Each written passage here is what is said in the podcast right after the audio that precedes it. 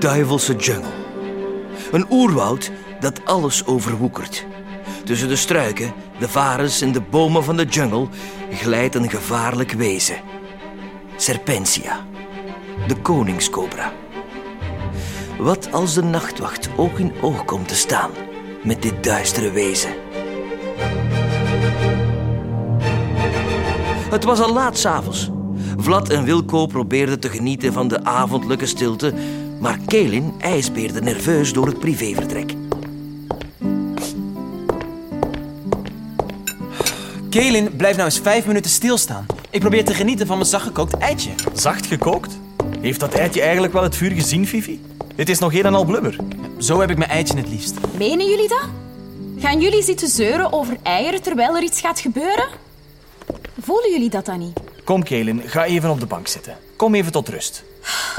Ik denk niet dat ik tot rust kan komen. Nog geen vijf minuten geleden ben je bij Vega geweest.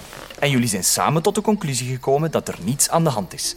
Ja, maar ik voel opnieuw die vreemde energie. Eh, weet je wat? Ik zal voor jou een deuntje spelen op mijn nieuwe blokfluit. De haast magische muziek brengt je wel tot rust. Oké dan. Moet dat echt? Ik ben aan het eten. S'nachts, toen Vlad, Wilco en zelfs Kelin in een diepe slaap waren verzeild, kronkelde er een reusachtig monster naar Schemermeer toe. Serpentia, de koningscobra. De donkerzwarte reuzenslang met gele vlekken had een brede, afgeplatte kop met dikke schubben. Uit haar rode ogen vloeide een diepe duisternis. Serpentia baande zich vanuit de onderwereld een weg naar Schemermeer. Het onheil was onafwendbaar. De volgende dag werd iedereen wakker van allerhande natuurgeluiden die in Schemermeer weer klonken. Wat is dat met die krekels, zeg? Ik ben gisteren wel naar een vijf geweest, hè. Stomme beesten. Oh, ik ben nog doodmoe. Wat is dat nou voor gekwaak? Eens kijken. Hey, wie is daar nu zo aan het roepen, zeg? Mannekes toch, wat een zotte kot is met dat hier. Ah, Ik zal die flauwe plezante servetjes gewoon geven, zeg. Vlad! Stop eens met op je blokfluit te blazen. Het is nog veel te vroeg. Laat uw weerwolvengehoor het afweten. Dat gefluit komt van buiten. Dat zijn vogels. Jongens, kom!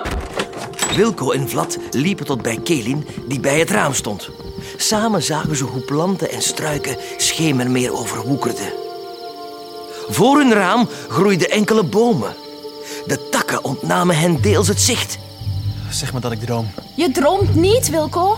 Schemermeer is een jungle. We hadden gisteren naar jou moeten luisteren, Kelin. Welk wezen is tot zoiets in staat? Het Tarzan-monster? Dit kan toch niet echt zijn? Misschien is het een illusie. Kelin opende het raam en raakte de takken van de boom aan die het dichtst bij hun raam stond.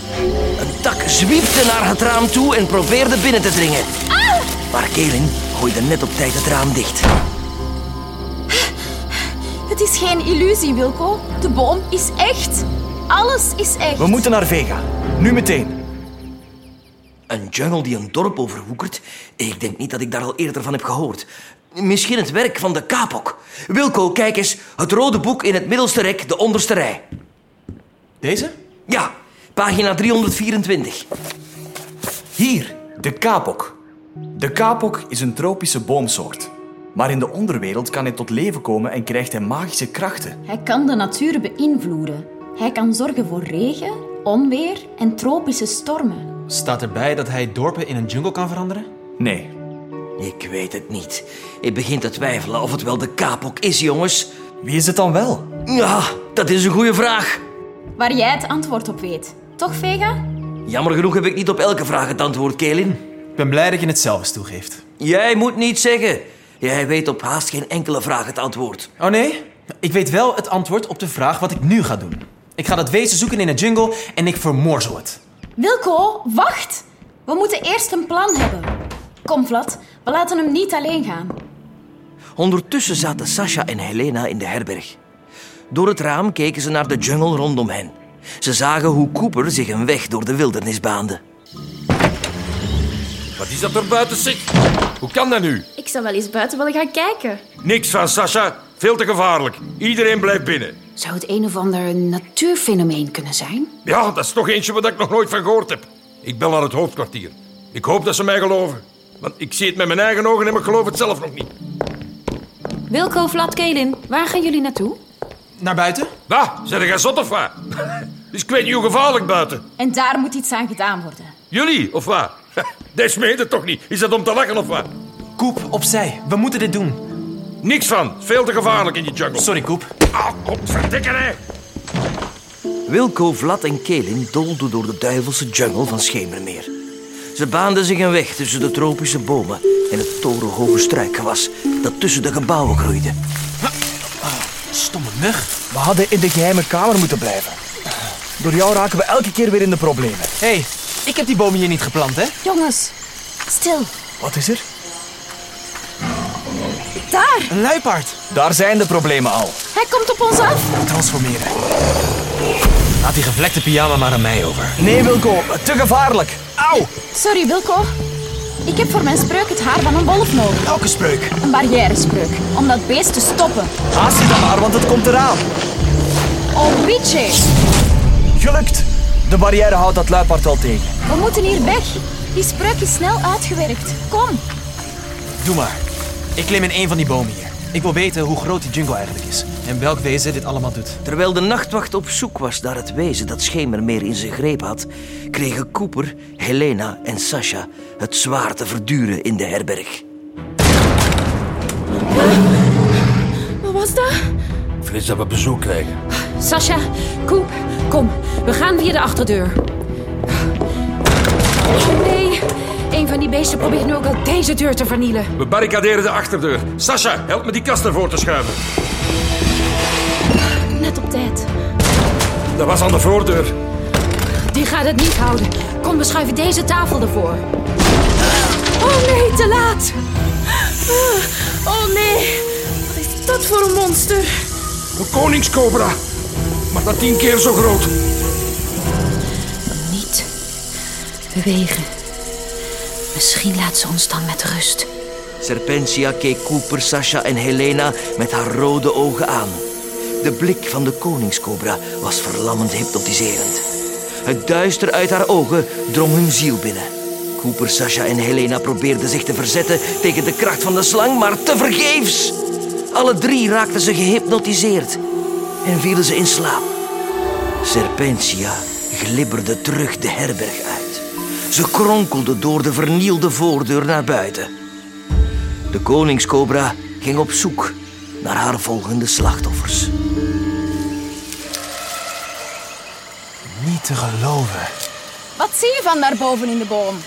Overal bomen. Zo ver als ik kan kijken. Schemermeer is één jungle geworden. De huizen zijn allemaal overwoekerd met planten, varens en mos. En ook al overal dieren. Maar wacht eens. Wat? Ik hoor geen mensen. Hoe bedoel je? Zoals ik het zeg. Ik hoor geen mensen. Alsof ze er niet meer zijn. Ze zijn bang. Ze houden zich gewoon stil in hun huizen. Nee, ik zou anders hun ademhaling moeten horen. Dit is niet goed. Kom uit de boom, Wilco. We moeten dit aan Vega zeggen. Een beer? Ik kan die wel aan. Nee, te gevaarlijk. Sorry, Wilco, maar ik heb weer een haar van jou nodig. Auw! Hallo, dat doet pijn, hè? Oh, Bietje. Er gebeurt niets. Daar was ik al bang voor. Zo'n barrièrespreuk twee keer kort na elkaar vergt te veel magie. We gaan terug, nu. Watjes. Kelin, Vlad en Wilco liepen zich de longen uit het lijf. Het werd een wilde achtervolging. Maar ze waren sneller dan de beer en na een tijdje gaf hij de achtervolging op. Nachtwacht bereikte de herberg. Maar daar stond hen de schok van hun leven te wachten. Kelin, Vlad en Wilco stormden naar binnen via de vernielde voordeur en liepen richting geheime kamer. Maar ze stopten brusk toen ze zagen wie er op de vloer in de gelachzaal lag te slapen. Drie wilde dieren. Een tijger, een gorilla en een krokodil. De drie beesten ontwaakten. Die, die beesten liggen op de verscheurde kleren van Cooper, Sasha en Helena. Oh nee. Cooper, Sasha en Elena zijn opgegeten.